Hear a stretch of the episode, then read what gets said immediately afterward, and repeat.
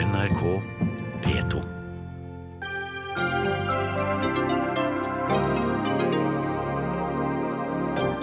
Folk vil ikke ha høne, påstår Nortura. Bare tull. Vi blir til og med utsolgt for høns, sier en av de to siste som slakter høns her til lands.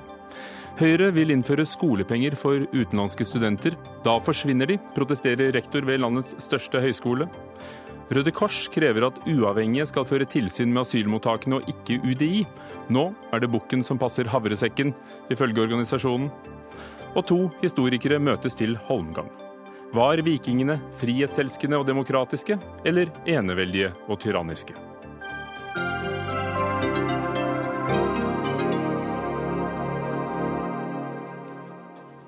Velkommen til Dagsnytt 18 med Ugo Fermarello i dag.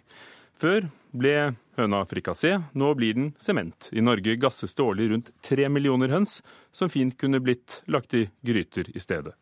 Det er eh, forbrukerinspektørene på NRK1 som gjennom fire programmer skal prøve å redde høna. Det får de nok en ganske vanskelig jobb med, for dette problemet er overhodet ikke nytt. I rundt ti år er det kommet nyheter om at vi kaster millioner av høns og hver gang blir folk sjokkerte. Ellen Flø Skagen, du har jobbet i Nortura som står bak priorkyllinger i, i nettopp rundt ti år, og har måttet svare på dette mange ganger. Hvorfor blir over tre millioner høns til søppel hvert år? Ja, Ofte høres fælt ut, og vi liker det jo ikke i det hele tatt. Og det tror jeg ikke det er noen som gjør. Det er ikke, ikke vi og ikke bøndene som tar vare på dyra, og, og heller ikke forbrukerne. Men så er det jo samtidig det at vi kan jo bare levere et produkt som, som våre kunder etterspør, og som det er etterspørsel etter. Og det har det vært det har det ikke vært sånn som vi opplever det de siste åra, dessverre. For det pleide jo å være ganske vanlig vare i frysedisken. Rimelig, rimelig mat? Ja, det spørs vel litt hva du sammenligner med. Du skal ganske mange tiår tilbake før den, når den høna var, var, litt mer kjøtt på den og sånt. Nå har det vært, blitt mer og mer den rasen som kalles slaktekylling, som er helt annen, et helt annet dyr egentlig, den har overtatt mer og mer for høne. Mens verpehøne er blitt spesialist i å legge egg. Så det er ikke så veldig mye kjøtt på den. Og jeg tror mange rett og slett opplever det som et litt Ja, det blir ofte et dyrere produkt, for den er dyrere å produsere. Og det oppleves nok ofte som et litt dårligere produkt også. Det tar lengre tid å koke enn f.eks. kylling. Det, det, er mindre kjøtt på det. Så, så, det blir jo spekulasjon, men det er vår erfaring at det er en av grunnene, dessverre. Det er altså to slakterier i Norge som leverer høns i dag. Så det, så det finnes å få tak i for, for, de som har øynene åpne. Det ene er Ytterøy hønseslakteri. De slakter rundt 300 000 i året. Og så er det Holte gård i Drangedal i Telemark, som du driver, Halvor Olsen. Er du enig i at det ikke er noe marked for høns? Nei, det er jeg jo ikke enig i. kan du si. Vi har jo ventetid på uh, de hønene vi har. Nå slakter riktignok ikke vi så mange høner, kan du si, men vi slakter vel en 6000-7000 i året. Og det er i hvert fall ventetid på de hønene vi har. Og det er jo en glede å få lov til å levere det folk vil ha. Uh, jeg syns det er liksom en skam at vi skal kaste mat som fint går an å bruke. Men hva, hva koster de til forbrukeren? Nei, nå er jeg litt usikker på akkurat hva det koster ut i butikken, det er jeg litt usikker på. Men folk er i hvert fall villige til å betale den prisen det koster ut. Og, og vi har helt grei fortjeneste på det med å slakte det. Enda vi er jo et bitte lite slakteri som eh, slakter mye manuelt, og mye, mye folk for å slakte. Så jeg, jeg begriper ikke at ikke Nortura kan få noe økonomi i det. og Da må de ikke tenke sånn at de må bare være inne på markedet i en to-tre måneder og så gå ut igjen fordi at det var ikke noe salg. De må se at dette er over lang tid. Og Da tror jeg det er et stort forbruk. Det er jo ingen, Skal du ha frikassé, så kan du ikke lage det på kylling. Og det fins ikke noe bedre enn en hønefrikassé. Anja Seberg Lion, redaktør i matmagasinet Nord. Er høns et uh, dårligere produkt enn kylling? På ingen måte. Det er jo et mye bedre produkt hvis det får den tiden det bør få. Og det er akkurat det som er det, er det merkelige nå. fordi på den ene siden så er den nye trenden så til de grader på vei. Det er å bruke tid, ta seg tid, ha tid. Det er veldig trendy. Vi har jo aldri hatt mer fritid. Vi har ikke hatt mer fritid noen gang, og vi har heller ikke hatt mer penger. Eh, og det er ganske merkelig at eh, en høne som Nå kjenner ikke jeg til de forskjellige rasene så godt, Men jeg vet jo at det er noe som heter verpehøne, og så er det noe som heter slaktekylling, ikke sant? Eller noe sånt. Eh, og jeg syns det er veldig rart at forbrukerne ikke lærer seg det som skal til for å ønske seg høne i gryta, for det har mye med det å gjøre også. Vi kan ikke nok om å lage mat. Vi gidder ikke, vi tror det tar for mye tid.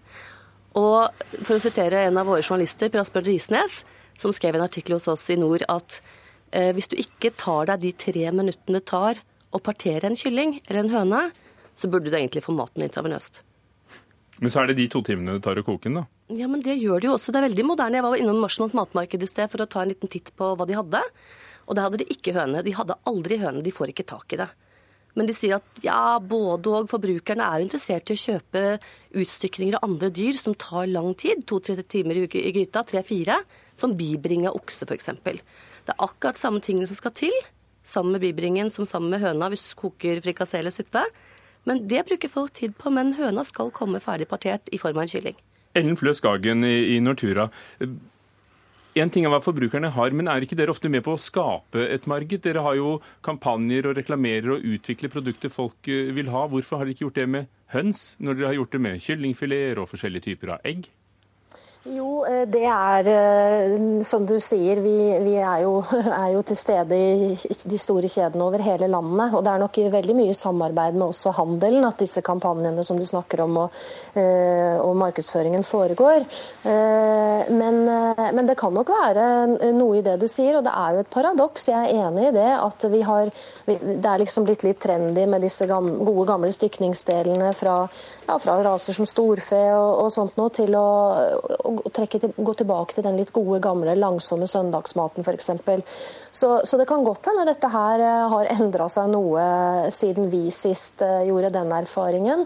Og vi kommer ikke til å være sene om å si at eh, vi vil ikke noe heller enn å få dette til, dersom våre kunder har et ønske om det og vil være med på dette her. For, for det som er sikkert, er jo at det å dette vet jo Holte også, men det å, å, hente og slakte og pakke og distribuere høne, det, det koster selvsagt penger. Eh, og, og, da må vi vite at det blir, eh, er etterspørsel og blir solgt ut av butikk i andre enden, så ikke det blir kastet eh, til slutt allikevel.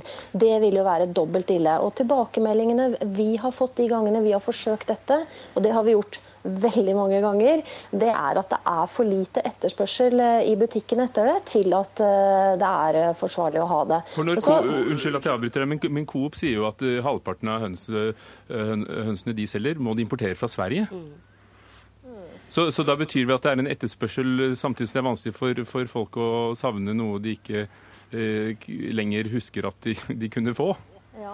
Jeg kan ikke svare på akkurat uh, hva som ligger bak det, det, valget der, men det står i hvert fall ikke på oss. Hvis våre kunder har et ønske om å, å, få det levert fra oss, så får vi det til. Det kan vi gjøre på et av våre slakterier, men det er riktig at veldig mye i dag det, på de store volumene er skrudd inn mot uh, kylling. Det er uh, helt sikkert, men det er fullt mulig for oss å, å gjøre det. Men da må det være en etterspørsel etter det som, som, gjør at dette her også er eh, økonomisk bærekraftig. Vi trenger ikke tjene mye penger på dette her, men vi må få dekket inn eh, kostnadene med det. Og vi har store anlegg, og vi må ha dekket inn kostnadene. Ellers så blir det veldig vanskelig både for oss og alle andre som skal, som skal tilby noe i butikkene.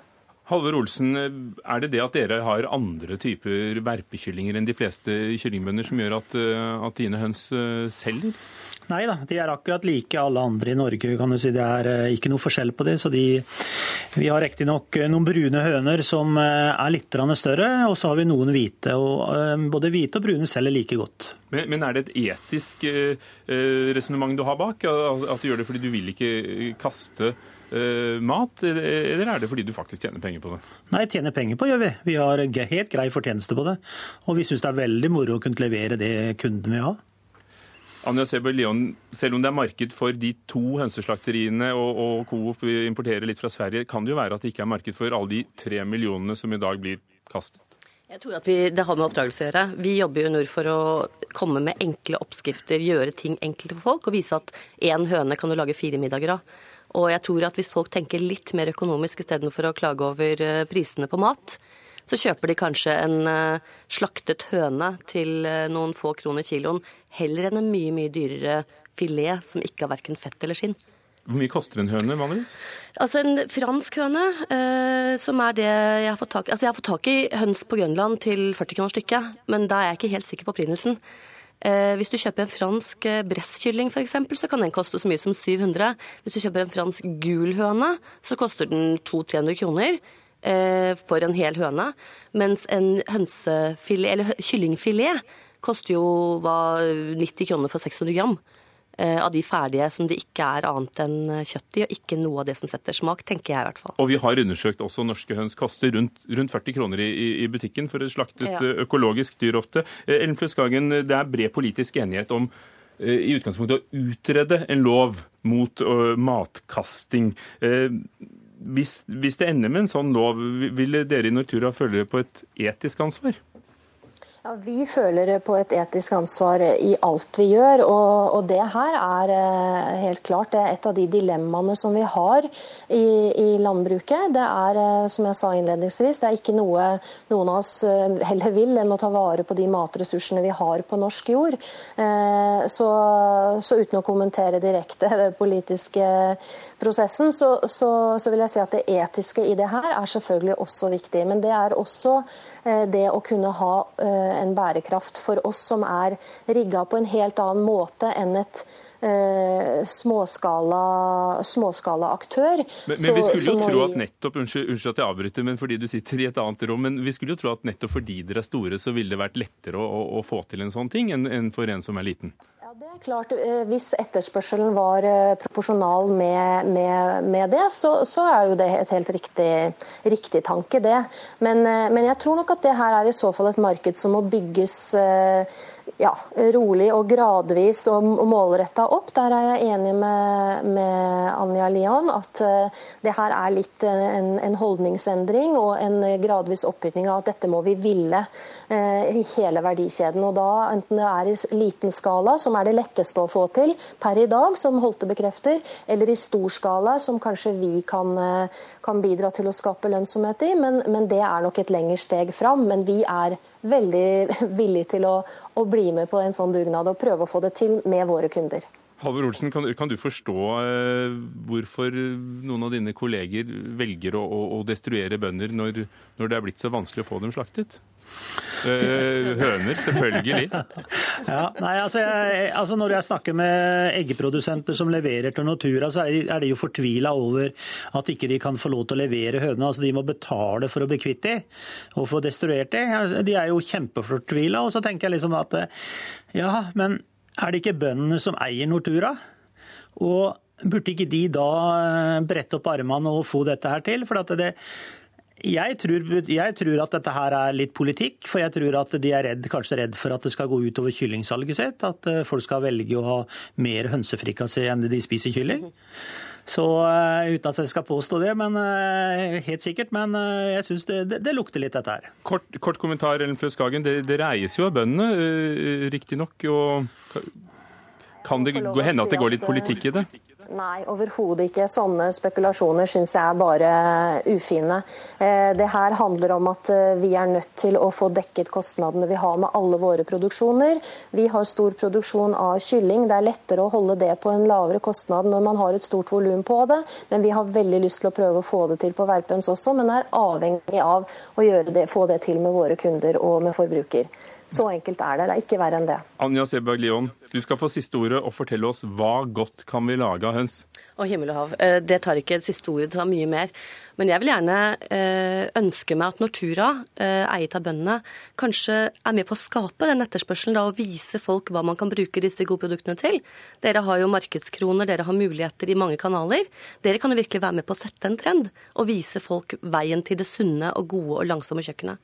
Og den anledningen får de jo rikelig, rikelig anledning til å, å, å, gjøre, fordi gjennom fire programmer skal altså forbrukerinspektørene på NRK1, det første programmet gikk i går, snakke om det skjulte matsvinnet og prøve å redde et helt hønsehus fra å bli kastet og heller havne på middagsbordet. Takk skal dere ha, alle sammen. Anja Seberg Lion, redaktør i Matmagasinet Nord. Halvor Olsen, som driver Holte gård i Drangedal. Og Ellen Flø Skagen fra Nortura. Dagsnytt 18 alle hverdager klokka 18.00 på NRK P2 og NRK2.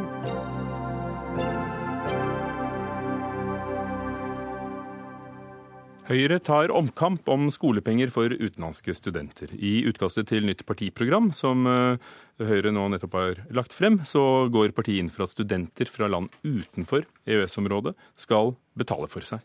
For tre år siden eh, trakk regjeringen det samme forslaget etter store protester, med Nikolai Astrup, stortingsrepresentant og nestleder i Høyres programkomité. Dere foreslår nå moderate skolepenger igjen. Hvorfor? Nei, Vi syns det er et uh, godt prinsipp at uh, når nordmenn ikke kan studere gratis i land utenfor EØS, så uh, er det også slik at folk som kommer utenfra EØS og studerer i Norge, bør betale litt. og jeg understreker litt, fordi det er snakk om moderate skolepenger. og Sist vi var inne på denne tanken, så var det jo snakk om størrelsesorden 6000 kroner. Ehm, det er jo ikke på noen som helst måte snakk om å innføre slike drakoniske skolepenger som nordmenn som studerer i utlandet møter. Og hvorfor ikke? Hvis det først skal være sånn at eh, vi skal ha det på samme måte, skal vi ikke dekke fordi, omkostningene? Fordi Norge er et lite land i utkanten av verden. Og eh, vi har, vi har også en verdi i det å tiltrekke oss utlendinger som kommer til Norge, beriker studentmiljøet, bringer med seg andre erfaringer. Eh, og også kan bidra, eh, ikke minst innenfor forskningsverden på høyere utdanningssteder, eh, til å, å bringe mangfold og, og, nye ideer på bordet. Så, sånn sett så det, er det en berikelse i det, men det er også et viktig prinsipp at de bør betale litt for det, med tanke på at uh, dette er skattefinansiert av norske skattebetalere, og det er rimelig at man bidrar, uh, bidrar selv også. Kurt Rice, rektor ved Høgskolen i Oslo og Akershus de så, så, å si alle land utenfor EØS krever skolepenger av, av, nordmenn hvis vi skal ta høyere utdannelse der. Hvorfor skal ikke vi kunne gjøre det samme, og, og attpåtil i ganske beskjeden grad? Altså, Å tiltrekke oss internasjonale studenter det er noe som gjør høyere utdanning bedre for norske studenter. Det er bedre for norske studenter å ha internasjonale medstudenter. Så når vi er opptatt av å tiltrekke oss flere internasjonale studenter, så er vi egentlig ikke bare opptatt av å bidra til at de studentene får seg en utdanning, men også til at våre norske studenter får seg en bedre utdanning. Sånn at den, den, muligheten vi har gjennom gratisprinsippet, som vi alle i sektoren står fast ved, er at vi gjør det til en konkurransefortrinn å få studenter til Norge. Og vi må innrømme at det er kanskje ikke Norge som er det første landet som den gjennomsnittlige verdensborger tenker på når de skal finne ut hvor de har lyst til å studere. Så vi kunne ha litt drahjelp med f.eks. å ha en økonomisk fortrinnsrett, eller eh, konkurransefordel. Men hva er det de tilfører som ikke andre norske studenter tilfører til læringsmiljøet? Altså, eh, Internasjonale studenter tilfører et internasjonalt perspektiv på det stoffet som, som er opp til diskusjon i, i læringssammenheng. Så alt av mangfold i debatt gjør kvaliteten av den debatten bedre. Og vi får eh, i et land med en ganske homogent kultur, så får vi da eh, utvide det kulturelle perspektivet ved å tiltrekke oss internasjonale studenter, og det gjør utdanningen bedre. Og det mener i hvert fall kunnskapsministeren også, og jeg tror at Nikolai mener også det. Så det som er overraskende, er at man på den ene siden mener det, men på den andre siden skal eh, hindre oss i å nettopp kunne gjøre det. For da Sverige innførte en eh, lignende ordning som dere tar til orde for, så falt antallet utenlandsstudenter dramatisk, eh, rundt 70% Og hvis noe sånt skjer, så vil vi jo gå glipp av det internasjonale aspektet. Nei, Vi vil ikke det. For det første så er det jo sånn at flertallet av de utenlandske studentene f.eks. på Høgskolen i Oslo og Akershus er fra EU og EØS-området, og de kommer jo fortsatt til å ha gratisprinsippet. Og så er det da eh, de som kommer utenfra, så foreslår vi en meget, moderat, eh, meget moderate skolepenger. Det er altså ikke snakk om eh, skolepenger i en størrelsesorden som kommer til å frastøte noen.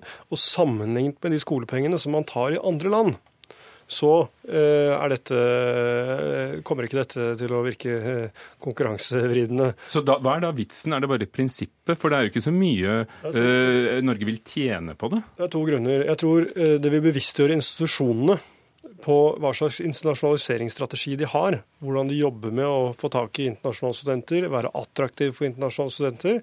Eh, det tror jeg er viktig. Og så er det prinsippet om at eh, dette ikke skal være fullt ut eh, skattebetalerfinansiert, all den tid norske studenter betaler fulle skolepenger overalt i verden når de reiser ut. Og Noen universiteter i EØS så betaler vi jo ingenting, men på mange så gjør vi jo det.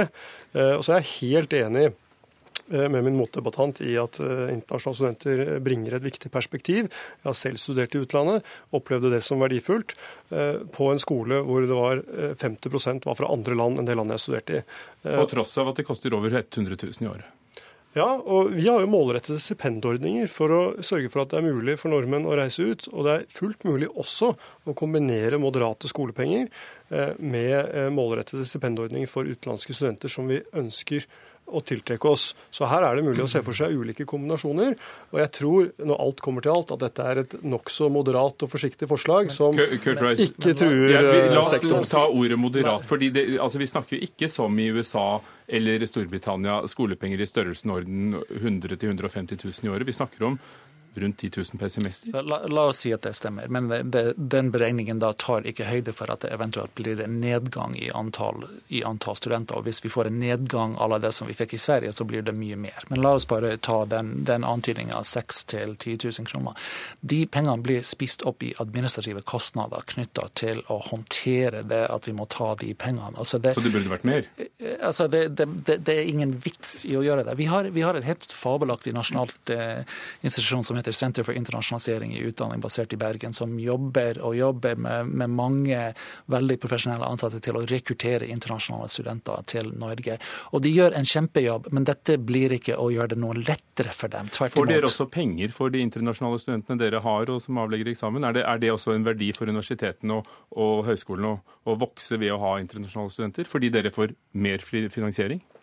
Altså, vi får finansiering for de studentene som vi har, om de er internasjonale studenter eller norske studenter, når de genererer f.eks. studiepoeng. Er du derfor redd for å miste studenter på denne måten? Du, jeg har ikke en eneste gang hatt en diskusjon der vi diskuterer at vi må få f.eks. flere utvekslingsstudenter for å øke inntekter. Det som vi er fokusert på, er å få flere internasjonale utvekslingsstudenter for å øke kvalitet i utdanning. Og dette forslaget da vil true den muligheten. Og, og, når altså i Sverige, jeg kommer tilbake til det spørsmålet jeg stilte i sted, sank tallet med 79 eh, Hvor høye var skolepengene de innførte? Eh, I den størrelsesorden dere foreslår, visstnok. Mm. Vel, jeg kjenner ikke det eksempelet fra Sverige. Men det jeg kan si, det er at jeg tror ikke at moderate skolepenger kommer til å ha stor Eh, betydning for tilstrømmingen av eh, utenlandsstudenter. Særlig ikke fordi at eh, det er så stor andel av utenlandsstudentene som kommer fra EU og EØS, og de vil fortsatt være under gratisprinsippet. Men for mange som kommer fra fattige land, tidligere hadde vi ordninger som gjorde at studenter fra u-land kunne komme til Norge. De ordningene er i ferd med å falle bort, men, men, det er jo flere studenter fra Nepal og mm. Filippinene, og for dem er 10 000 ikke moderat. Ja, og jeg, jeg, satt på en buss i, i, Washington en gang, og da kom det en dame opp til meg at, som var kineser og snakket flytende norsk, fordi hun hadde studert i Trondheim. Eh, så det er absolutt internasjonale studenter i Norge. Det er veldig bra. Vi ønsker å ha mange av dem. Vi tror det er bra eh, med moderate skolepenger, fordi det også bevisstgjør institusjonene i måten de eh, rekrutterer internasjonale studenter på. Og som sagt, du, men du tror ikke de bruker opp de pengene i administrasjonen da, for å kreve dem inn? Jeg, jeg, jeg tror... Er veldig bevisst i måten vi rekrutterer internasjonale studenter ja, altså, Jeg trenger ikke hjelp til å bevisstgjøre min institusjon i måten vi rekrutterer på. Vi har veldig eksplisitte ordninger som vi jobber intenst med i samarbeid med Center for internasjonalisering i utdanning og andre. Men Kurt så, Rice, så en kinesisk student som skal få studentvisum, må altså ha 80 000 kroner på bankkontoen for i det hele tatt å få studentvisum. Da har de vel formodentlig også råd til å betale eh, en liten avgift? Ja, hvordan vet du det? Altså, dere sitter her og spekulerer i hva nei, slags råd? Nei, det er kravene for, for å få studentvisum. Det er kravet, men at du sier at det, dermed har de 10 000 til, det vet ikke du.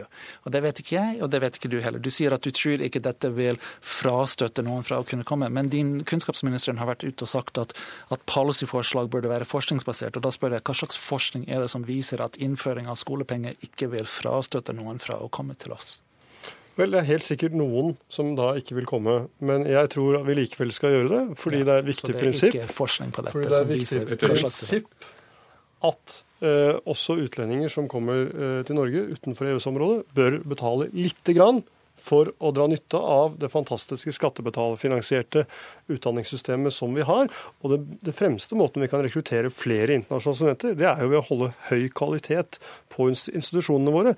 Den kvaliteten er god i dag, den kan bli enda bedre. Og med de øvrige forslagene i vårt program, så kommer sektoren til å bli så attraktiv at uh, det kommer flere studenter fra Takk. utlandet. Skal dere ha Nikolai Astrup fra Høyre og Kurt Rice, rektor ved Høgskolen i Oslo og Akershus.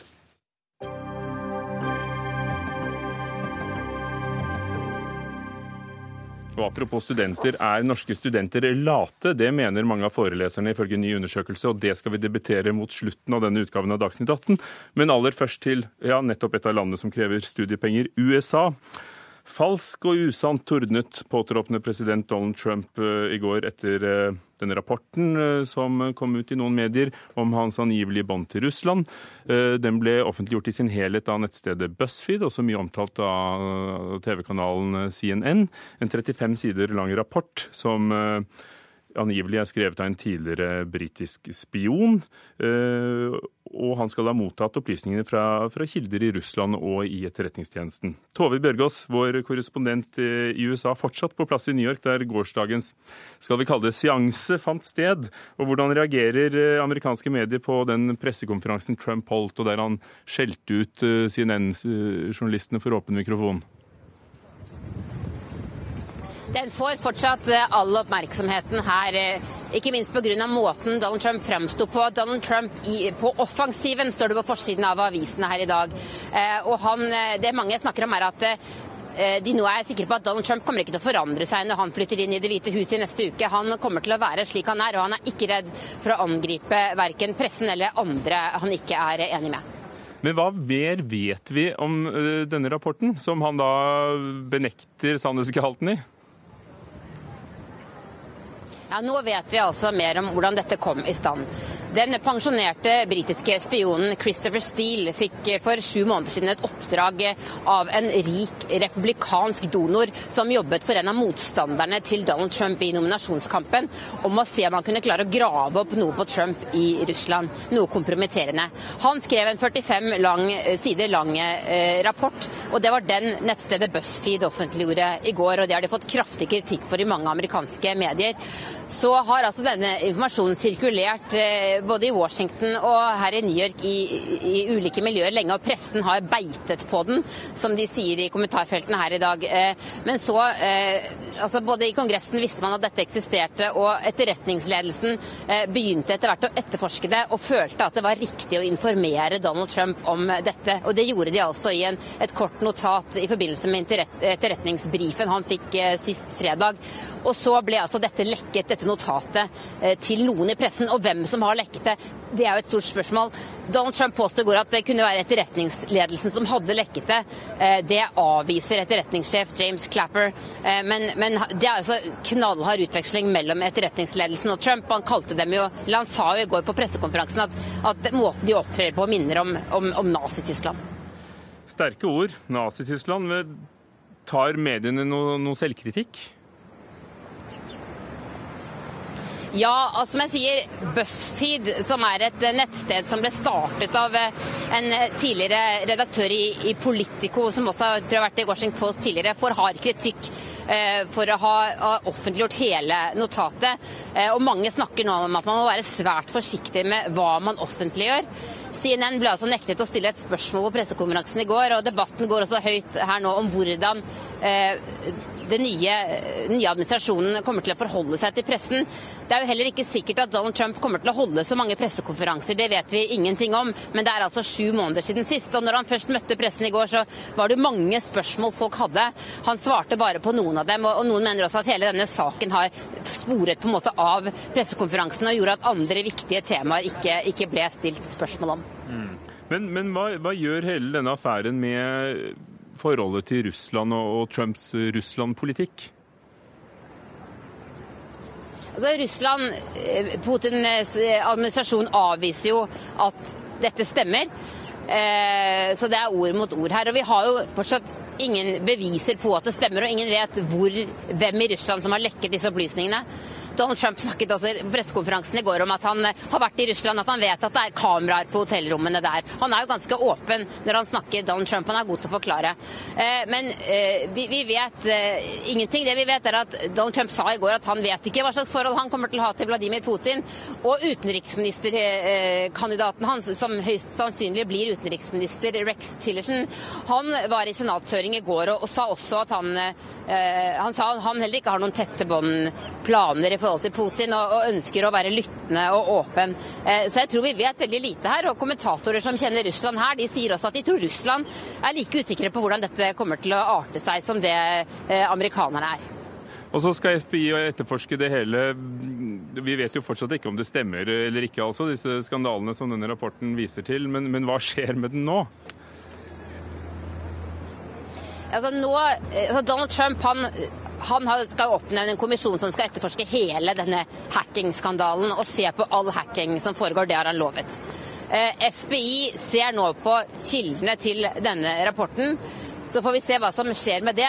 Det som også kommer til å skje, det er jo at etterretningsledelsen som Trump altså har ligget i slik krig med, vil bli byttet ut. Det er jo han som oppnevner eh, sine ledere for CIA. Eh, eh, FBI-sjefen også. Han blir kanskje sittende enn så lenge, James Comey, men, men, også James Clapper, som er leder for hele amerikansk etterretning, vil jo etter hvert bli erstattet med, med en som Trump velger ut, og da vil kanskje tilliten bli bedre. Men det er klart at denne saken og hele denne hacking-skandalen skandalen har fått enorm oppmerksomhet de siste uh, ukene. Uh, og, og, dette er jo det ballet åpner med for, for Trump. Og mye av det handler om at USA nå framstår som nokså kaotisk. Maktovertagelsen her framstår som nokså kaotisk eh, for mange i andre land. Og det kan også være et problem for Trump. Så, så det skal bli spennende å se hvordan dette blir håndtert i den første tiden etter at han tiltrer neste fredag. Tusen takk. Tove Bjørgaas i New York. Et flertall på Stortinget ville ha en uavhengig tilsynsordning ved norske asylmottak. Men det er fortsatt helt til det blå om en slik ordning kommer, skriver Dagsavisen i dag. I dag er det UDI som har tilsynet av asylmottakene, og det provoserer Norges Røde Kors. Mats Harlem, folkerettssjef i Norges Røde Kors. Eh, dette er en ordning som ikke bare Stortinget har bedt om, men, men som du og Røde Kors vil forandre. Hvorfor? Det handler om at vi er ute på veldig mange mottak i dag. Våre frivillige var til stede eh, på mottak over hele landet. Og vi opplever jo at veldig mange av de som sitter der, eh, ikke får den behandlingen de skal ha. Skal jeg forte meg å tilføye også at det er veldig mange mottak som drives bra, ting hvor det er ordentlig. Men vi opplever jo også, og det går liksom særlig på helse, det går på ernæring, det går ofte på tannhelse, det går på forholdene for barn, som ikke ivaretas godt nok på uh, disse mottakene. Derfor har vi tatt til orde for lenge uh, at vi bør også ha et uavhengig tilsyn på asylmottak i Norge. Frode Forfang, direktør ved Utlendingsdirektoratet. Skorter det på deres overvåkning og, tilsyn av de tjenestene som, som dere kjøper? Ja, altså Det er slik at uh, det er mulig at begrepet tilsyn er litt forvirrende her. fordi at Det vi egentlig driver med, det er det vi kaller kontraktsoppfølging. fordi at Vi har jo privatrettslige kontrakter vi med de som driver mottak på våre vegne. Uh, og vi er nødt til å ha et system for å følge opp at vi får det som uh, leverandøren av mottakstjenester har forpliktet seg til i kontraktene med oss. Og Det er det vi følger opp, både på pris og kvalitet og alt det de andre, de, andre de skal følge opp. Jeg har en ganske åpen holdning til det om andre myndigheter også kommer inn og fører tilsyn med eh, det som skjer i mottakene. Det eh, er ikke så viktig for oss. Det som er viktig for oss, er at vi uansett må ha et system for kontraktsoppfølging, og så har det dessverre kanskje fått det navnet tilsyn. For det er det jeg skulle til å si. Har den kontraktsoppfølgingen sviktet, hvis Mads Harlem ser disse tilstandene han beskriver? Nei, det tror jeg ikke eh, i seg selv. Men det er klart at en del av det som nevnes her, er jo også egentlig ting som ikke skjer i mottak. F.eks. helsetjenester, tannhelse. Eh, en rekke andre ting som, eh, som, eh, skal ytes av tjenester for beboere i mottak. Det er jo ikke noe som mottakene er ansvarlig for i det hele tatt, men det er noe som sektormyndighetene, kommunene, helsetjenesten eller andre er ansvarlig for å yte. Overfor disse tjenestene er det jo allerede tilsynsmyndigheter. Slik at, slik at det som mottakene skal tilby, det er et botilbud. Og så er det en del tjenester rundt det botilbudet, informasjon, en del andre ting som som mottakene skal, skal, yte. Og når det gjelder enslige mindreårige mottak, altså de mellom 15 og 18 år, så har de ytterligere en del omsorgstjenester som skal ytes. Og vi, er, eh, vi fører tilsyn med, eller vi følger opp de kontraktene vi har for å påse at det de er forpliktet til å levere, eh, blir levert. Og så kan det gjerne være andre tilsynsmyndigheter i tillegg som, som da ser på, ser på andre aspekter ved dette. Nei, jeg bare lyst til å understreke at aller først dette begrepet tilsyn. Jeg tror også det er forvirrende. Her er jeg helt enig med UDI. Men er det det at UDI ifølge deg da ikke følger opp godt nok? Ja, det delvis. Eh, ikke nødvendigvis. Jeg vil ikke si følge opp. Det vi nok har sett og opplevd, er kanskje at man ikke har et godt nok system fra UDI sin side å følge opp dette automatisk. Nå skal jeg tilføye her er at vi har tatt opp ting også med UDI, hvor de har fulgt opp og tatt dette på alvor. Men jeg syns det Frode Forfang også påpeker her, er at en del av de tingene jeg nevnte som går på helse, altså tannhelse, er jo ikke ansvar som ligger direkte under UDI. Her er det jo kommunen. Eh, og Det er derfor jeg tenker også at det som UDI da gjør, og som de tydeligvis også skal gjøre bedre i dag, vil uansett ikke være godt nok. Derfor så har vi tatt til orde for at her trenger vi et statlig tilsyn med et tydelig mandat til å oppfølge både eh, lover i Norge, våre internasjonale forpliktelser, men også som har tilstrekkelig kompetanse for å se på disse forholdene. Og se på helheten, altså. Også helheten. det som går utover mottakene. Ja, og så vil jeg også bare si, for det ble nevnt her, sant, at Kommunen har jo tilsyn på veldig mange områder i dag. Ja, det har de. Men det vi etterspør her, er jo et helhetlig tilsyn. For her har vi altså et mottak hvor mange av disse tingene eh, blir eh, levert der inne. og Da trenger vi også en helhetlig eh, tilsyn. Det har vi på mange steder i dag. Dette har vi ikke på asylmottak. Derfor så sier vi fra om dette. Eh, forfang, Det er jo ikke bare Mads Harlem og Røde Kors som, som, eh, ønsker seg det. Også Stortinget har jo vedtatt at det skulle komme. Men, men hvor blir det av den saken etter du vet? Vi prøvde å få tak i både departement og politikere som ingen av dem kunne stille. Ja, jeg vet ikke helt. Jeg, jeg vet ikke helt. Altså det, som, det som vi nå skal gjøre, og som vi også har fått i oppdrag fra departementet å gjøre, er jo å se på vårt eget system for kontraktoppfølging. Og se om det kan forbedres. Og vi er i ferd med å gjøre det nå, slik at vi vil følge opp det. Eh, så er det slik at en, en annen utfordring rundt dette med generelt tilsyn til mottak, det er jo at dette er et ganske lovtomt område. Vanligvis er det jo slik at når man skal føre tilsyn, så skal man påse at lover og regler følges opp. Når det gjelder eh, mottak, så er det slik at loven egentlig bare sier noe om at man har rett til et tilbud til innkvartering for asylsøkere, men det sier ikke noe om hva dette tilbudet skal inneholde. Så, eh, så Sånn sett så er det et, litt, et område hvor, som er lite lovfestet, eh, og derfor sånn sett også litt vanskelig å følge tilsyn med, med, føre, føre tilsyn med. Men det som er lovfestet, er jo at Eh, de har rett på en del tjenester på lik linje med den øvrige befolkningen. Altså Er du barn, så har du rett på skolegang. Har du problemer med helse, så har du rett til helsetjenester på lik linje med alle og, andre. Og da ville vel et sånt tilsyn kunne være til hjelp for det arbeidet dere gjør? Ja, altså det, det, ja og jeg, har, jeg, er helt åpen i forhold til at, eh, at uh, noen ser på dette helhetlig. Det, synes du om... det kommer ikke i motstrid mot det at vi har en kontraktsoppfølging i forhold til de som leverer mottakstjenester til oss. Mads Alem, Gjør du deg forhåpninger om at eh, Stortingets eh, vedtak blir fulgt opp? Ja, det gjør jeg. Og jeg tenker også at jeg håper også at departementet hører på eh, sin egen fagetat. For jeg også jeg hører jo her også at man ønsker jo fra UDI sin side også et sånt tilsyn velkommen. Nettopp for å gjøre også deres jobb lettere. Så her håper jeg liksom at departementet både hører på Stortinget, følger opp vedtaket, og også hører på sitt eget fagetat det at ikke, hvis det ikke er så definert mm i loven som andre ting vi fører tilsyn med mm. her. Er det skjønn det skal overlates til? Nei, altså jeg tenker jo at når Frode Forfang her viser til nasjonal lovgivning, så kan det også godt hende at vi trenger ytterligere lovregulering her. Men noe finnes. Og jeg mener jo også at her har vi også en rekke internasjonale konvensjoner som sier jo også noe om hvordan enhver som befinner seg på norsk jord skal behandles. Slik at helt lovtomt er ikke dette her. Her har man regler. Vi er opptatt av at de eh, følges. Men hva er problemene konkret? Hvor er det dere, når dere er ute i felten, ser problemene? Nei, og Det er kun dette helse. Vi opplever ofte at man får ikke den helsehjelpen som de ofte har behov for. Eh, tannhelse er noe som hele tiden kommer tilbake. Det kan også være at man ikke har rakt ordentlig til rette for det å ta seg av barn. Sånn at jeg mener at Dette er en rekke konkrete områder hvor det finnes lovverk i dag, både nasjonalt og internasjonalt. Og Her tror vi at det vil være til stor hjelp at vi får et uavhengig tilsyn med et tydelig mandat som kan hjelpe UDI i å passe på at dette foregår på ordentlige måter.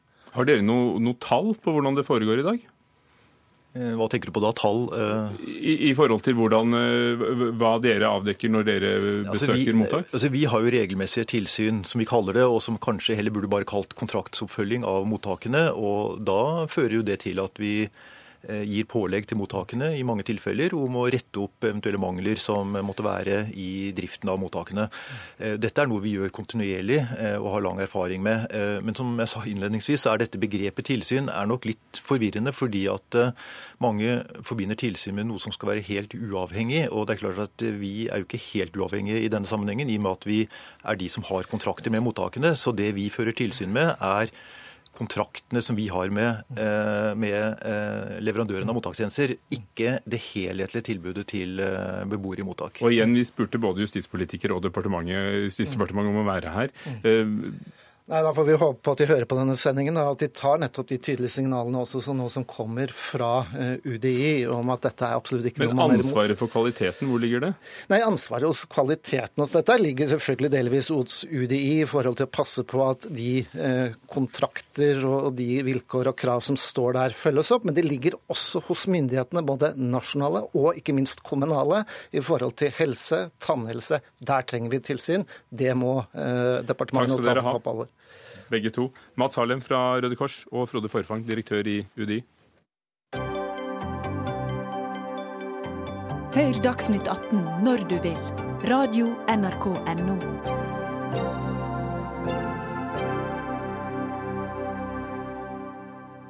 Var nordmenn den gang vi ble kalt for vikinger, i hvert fall i ettertid, et folk som sto imot eneveldige konger. Hvor mye har vi å lære av vikingene om demokrati?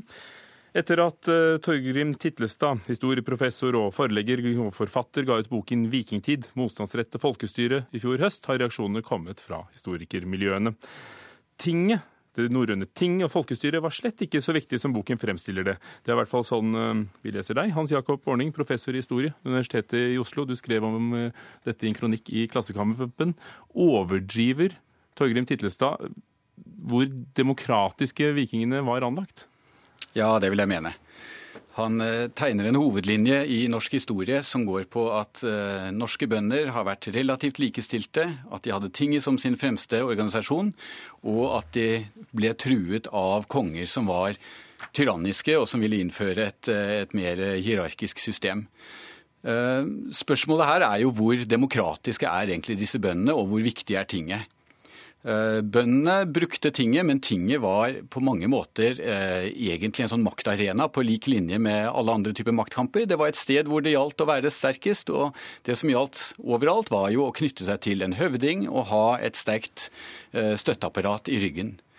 Og også når det gjelder kongene, så er det jo spørsmålet om hvor tyranniske kongene kunne være, hvor mye de kunne være en trussel ved å omvelte med dette her, når de hadde et maktapparat som besto av 50-60 hirdmenn som reiste rundt altså, i det landet som vi veit er ganske stort. I tillegg så kan man jo også stille spørsmålet hvor, hvor særnorsk er denne institusjonen, som Titlestad har skrevet om som en nokså sånn eh, nordeuropeisk, nordisk institusjon, som vi altså egentlig finner veldig mange andre steder i Europa. Ja, her er det mange poenger. Torgrim Titlestad, eh, historieprofessor, forlegger og, forfatter av denne boken. Eh, før vi går løs på de forskjellige momentene her, hva er hovedlærdommen du ønsker å formidle med boken, som du mener er så viktig for, eh, for oss i dag at du har forært den i forrige uke til alle de folkevalgte på Stortinget? Jo, det er jeg helt sikker på, og det er det at tingsystemet i først og fremst Norge og på Island, det inneholder grunnleggende demokratiske, såkalte protodemokratiske prosesser som er kimene til det demokratiet vi har i dag. Og Det som er problemet med ordning, det er at han tillegger meg flere plasser synspunkt som jeg ikke har, der han sier, snakker om at det er tyranniske konger hele bunten vi snakker om. Det jeg er mest opptatt av, og eh, det er jo det at tingsystemet får sin lengste kontinuerlige levetid i Norge i forhold til det som vi hadde ellers i Europa. Dette har jo jeg skrevet om i tidligere bøker. Og det som er det genuint nye, det er når enekongemakta stormer fram på slutten av 800-tallet, så skal altså 14 15-20 småkongedømmer fusjoneres inn i én stat. Og Det skaper naturligvis politisk motstand blant disse småkongene og andre i samfunnet. Og det blir et spørsmål om da å kontrollere i en viss grad den nye kongemakta. Og der jeg ser på Harald Hårfagre som en konge med totalitære tendenser, som vil prøve å knekke tingmakta for at kongemakta skal få overta den. Dette utløser da en demokratiserende prosess ved at ulike regioner prøver å hevde sin selvstenderett i forhold til kongemakta. Og et av de mest glimrende eksempel har vi i Asbjørn for Melhus, en tale som er gjengitt i sagaene, og det er det unike for Norge. Det at vi har bevart en hel del beretninger som er skrevet ned omkring 1200-tallet, som er jo rettsfilosofisk og politisk filosofi om hvordan rettighetene til individer skal få ivaretas. Og Der sier Asbjørn f.eks. at Det gjelder uansett stender, kjønn og alder. Hmm. Det høres jo veldig, veldig fremtidsrettet ut. Hans Jakob Orning, som altså er professor i historie ved Universitetet i Oslo, med nettopp denne perioden som ditt spesialfelt. Eh, er det ikke mulig at den lesningen Titlestad har, og med sin kjennskap til sagaene, kanskje viser at tingene hadde mer betydning enn du og dine liker å tro? Det er ingen tvil om at tinget er en institusjon som er viktig i norsk og islandsk historie. Eh, der gir Titlestad helt rett. Problemet blir når man gjør tinget til, eh, til, en institusjon som fremmer demokrati, og som ses isolert fra hele det samfunnet den er en del av. Ser vi på hvordan tinget fungerer i praksis, som jo har kongesagaer, og enda mer på Island, islendingesagaer som forteller, så viser jo de at tinget er ikke en institusjon som er fredhellig, hvor alle kan si sin, sin, mening, og hvor den lille mann kan få sin rett. Tinget er en arena hvor maktforholdene utspilles på akkurat samme måte som ellers. Og Det gjør at tinget må ses som del av et samfunn hvor det er makt som er viktig, hvor det er høvdinger som sitter. Asbjørn fra Melhus, som eh, Titlestad snakker om som på en måte en representant for et bondedemokrati, han er jo en bondehøvding.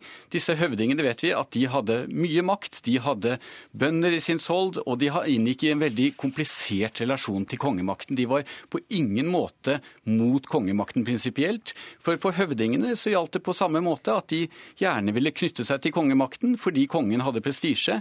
Så høvdingene Partiene står i en mellomstilling her, og tinget er bare én av mange mulige måter å løse konflikter på. På Island så ser vi at det er én av ti konflikter som løses på tinget. Resten løses privat gjennom forlik eller gjennom hevnfeider. Kan det hende, at, for nå vet vi jo hvordan det gikk, at vi har et storting og det fungerer ganske bra. Eh, at med etterpåtidens klokskap så, så tolker, tolker du litt vel mye i hva de gjorde på disse tingene sine? Eh, nei, det tror jeg absolutt ikke. Altså, eh, Den beskrivelsen som Ordning eh, gir, minner jo forbausende mye om det samfunnet vi har i dag. Med maktkamper og sterke politiske høvdinger som utfører sine kamper. Og slik vil det nok alltid være. Men i bånn på tingsystemet så ligger det et rettssystem, og det ser vi spesielt i den trønderske motstandsretten, der det var plikt å, å styrte eh, jarler og konger som brøt lova. Og ehm, det tror jeg er et veldig viktig poeng. Når vi ser òg på andre kjente bondehøvdinger, så hevder de grunnleggende universelle skal vi si, menneskerettigheter. OK, det var kanskje reservert for eliter, ja, men er det ikke sånn i dag òg? Jeg tror det er veldig forskjellig når vi begynner å se sammenligne middelalderens samfunn med dagens samfunn. For i dagens samfunn så har vi institusjoner som er autonome. Og Det gjør at vi kan gå til et rettssystem uansett hvor mye vi eh, har mektige fiender, så kan vi gå dit og få vår rett. Slik er det ikke i middelalderen. Hvis du ikke klarer å skaffe deg mektige allierte, så hjelper det deg ingenting å komme på tinget, som dette eksempelet som du bruker som et kroneksempel, Egil Skallagrimson, jo er et veldig godt eksempel på. Tinget er ikke løsrevet fra resten av samfunnet.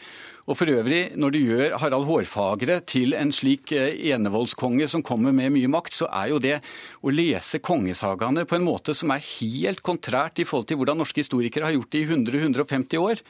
Harald Hårfagre er jo en konge som sannsynligvis har makt på Vestlandet, og har kanskje reiser fra gård til gård, og har altså en et hirdfølge som vi fra lovene vet er rundt 50-60 mann. Så at det skal representere et grunnleggende anslag mot uh, tinget og mot et norsk demokrati, det er underlig. Vi kalte dette en holmgang mellom historikere, for det var vel noe vikinger drev med, å møttes på en holme. Er det Nei, det tror jeg ikke. Altså, Når det gjelder Harald Hårfagre, altså, det, det, er jo tilstrekkelig med en del logisk tenking å forstå at i det øyeblikket det kommer én person og forlanger kontroll med hele landet, så må det utløse en politisk motstand. Og jeg syns det at det som sagaene beskriver om Harald, det at han tar i bruk et, sitt såkalte hemmelige politi, han tar i bruk overvåking Kan vi stole på sagaene alltid? Det er skrevet 300 år etterpå.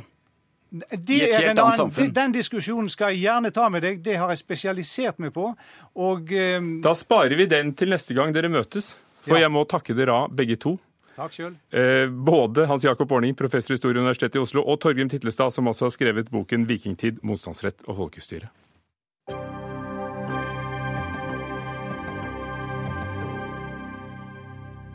Norske forelesere er eh, ikke nådige mot eh, egne studenter når det gjelder innsatsen deres i fagene. Det kommer frem i en eh, ny undersøkelse som ble lagt frem av Nasjonalt organ for kvalitet i utdanningen, NOKUT, denne uken. Men foreleserne er derimot ganske godt fornøyd med sin egen innsats. Det mener studentene at de ikke behøver å være. Men aller først, Kaja Olsen, professor i informatikk ved Høgskolen i Molde og Universitetet i Bergen. Du har undervist i over 40 år og har vært kritisk til eh, norske studenters innsats i, i flere av dem. Hva synes du om eh, resultatene i undersøkelsen? Ja, Det er vel som eh, forventet. Nå er det klart at det er store avvik. Vi har studier som medisin der det er nesten umulig å komme inn.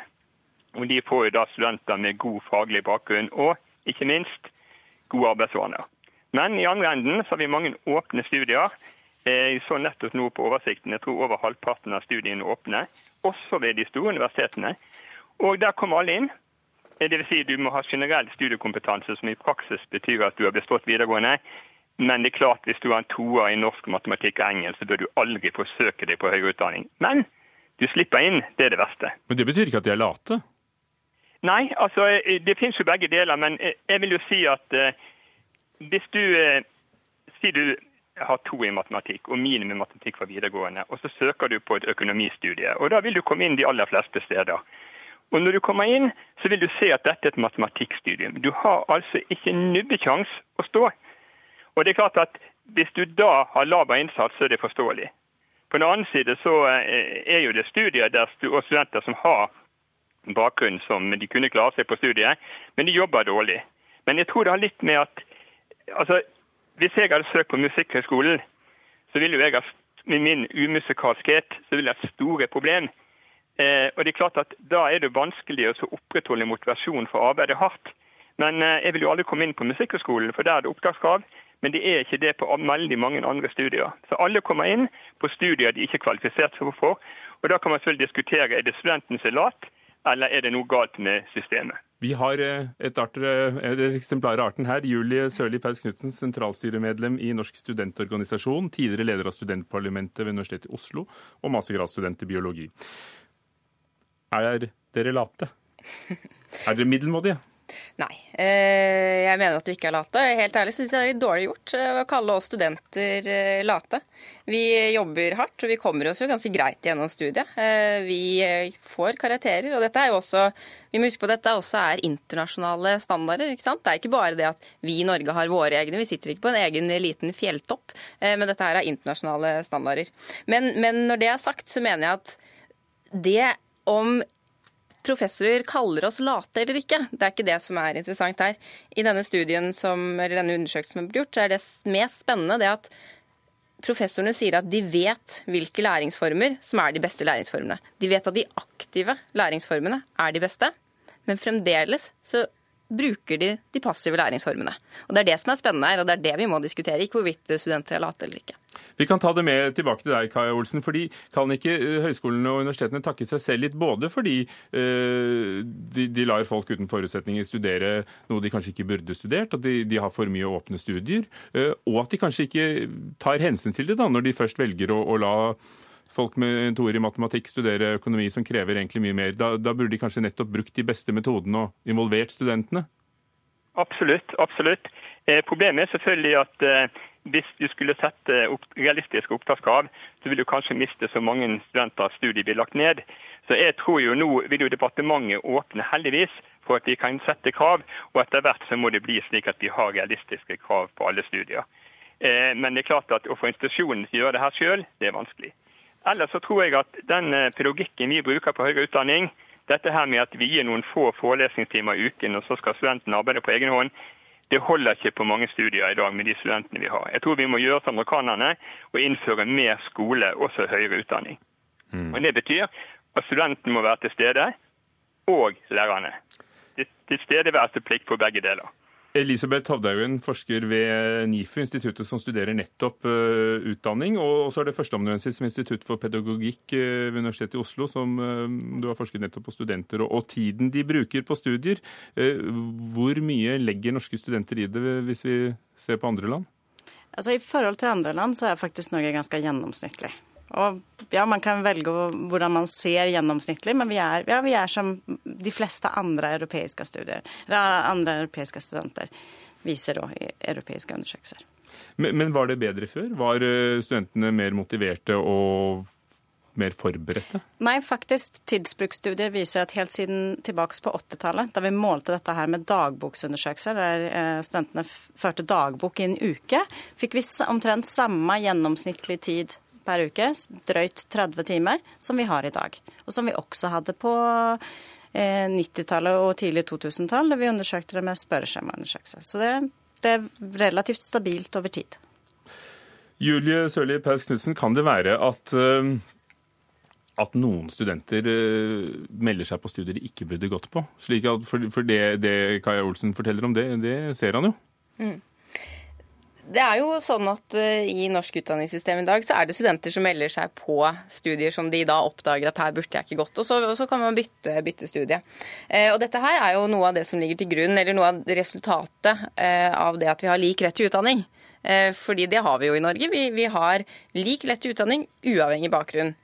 Og det er jeg kjempestolt av. Jeg mener at det at noen studenter begynner på et feil studie, det må vi bare takle når vi har lik rett til utdanning, som er så utrolig viktig i vårt samfunn i dag. Eh, Olsen, når vi hører at, eh, at studier viser at eh, folk slettes ikke var noe bedre før, hva, hva er din opplevelse av det? Ja, Det er to ting her. For Det første det som Julie nettopp sa. Eh, det er jo klart det at eh, Nå falt jeg litt ut. Jeg tar det første. Eh, 30 timers arbeid det er jo veldig avhengig om det er en flink student som arbeider 30 timer, eller en student med veldig dårlig faglig bakgrunn. Og Det er det de sier sjøl at de gjør. Men var de bedre eller, før? Da du altså, begynte? Ja, altså Min erfaring men nå er det fra tre forskjellige studiesteder. Og Den gangen var jo det bare sånn, kanskje 10% som kom inn på høyere utdanning.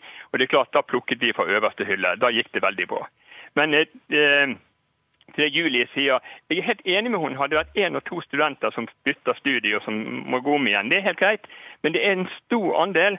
Og det er ikke slik at de fleste begynner å komme gjennom. Det er katastrofale tall hvis vi begynner å se på gjennomføringsprosenter. Og Før hadde vi dårlige gjennomføringsprosenter på bachelor, men nå har vi også det på master. Altså, Vi har laget flotte program nå med to års master. Skulle vært effektivt, folk skulle komme gjennom. Likevel er det bare ca. 60 som klarer det på to år. Så det er store frafall. Og Det er helt greit at en flink student finner ut nei, jeg vil heller studere et annet studium. No problem. Men vi har jo studenter som kommer på studier de ikke er kvalifisert på. De forsøker et helt år.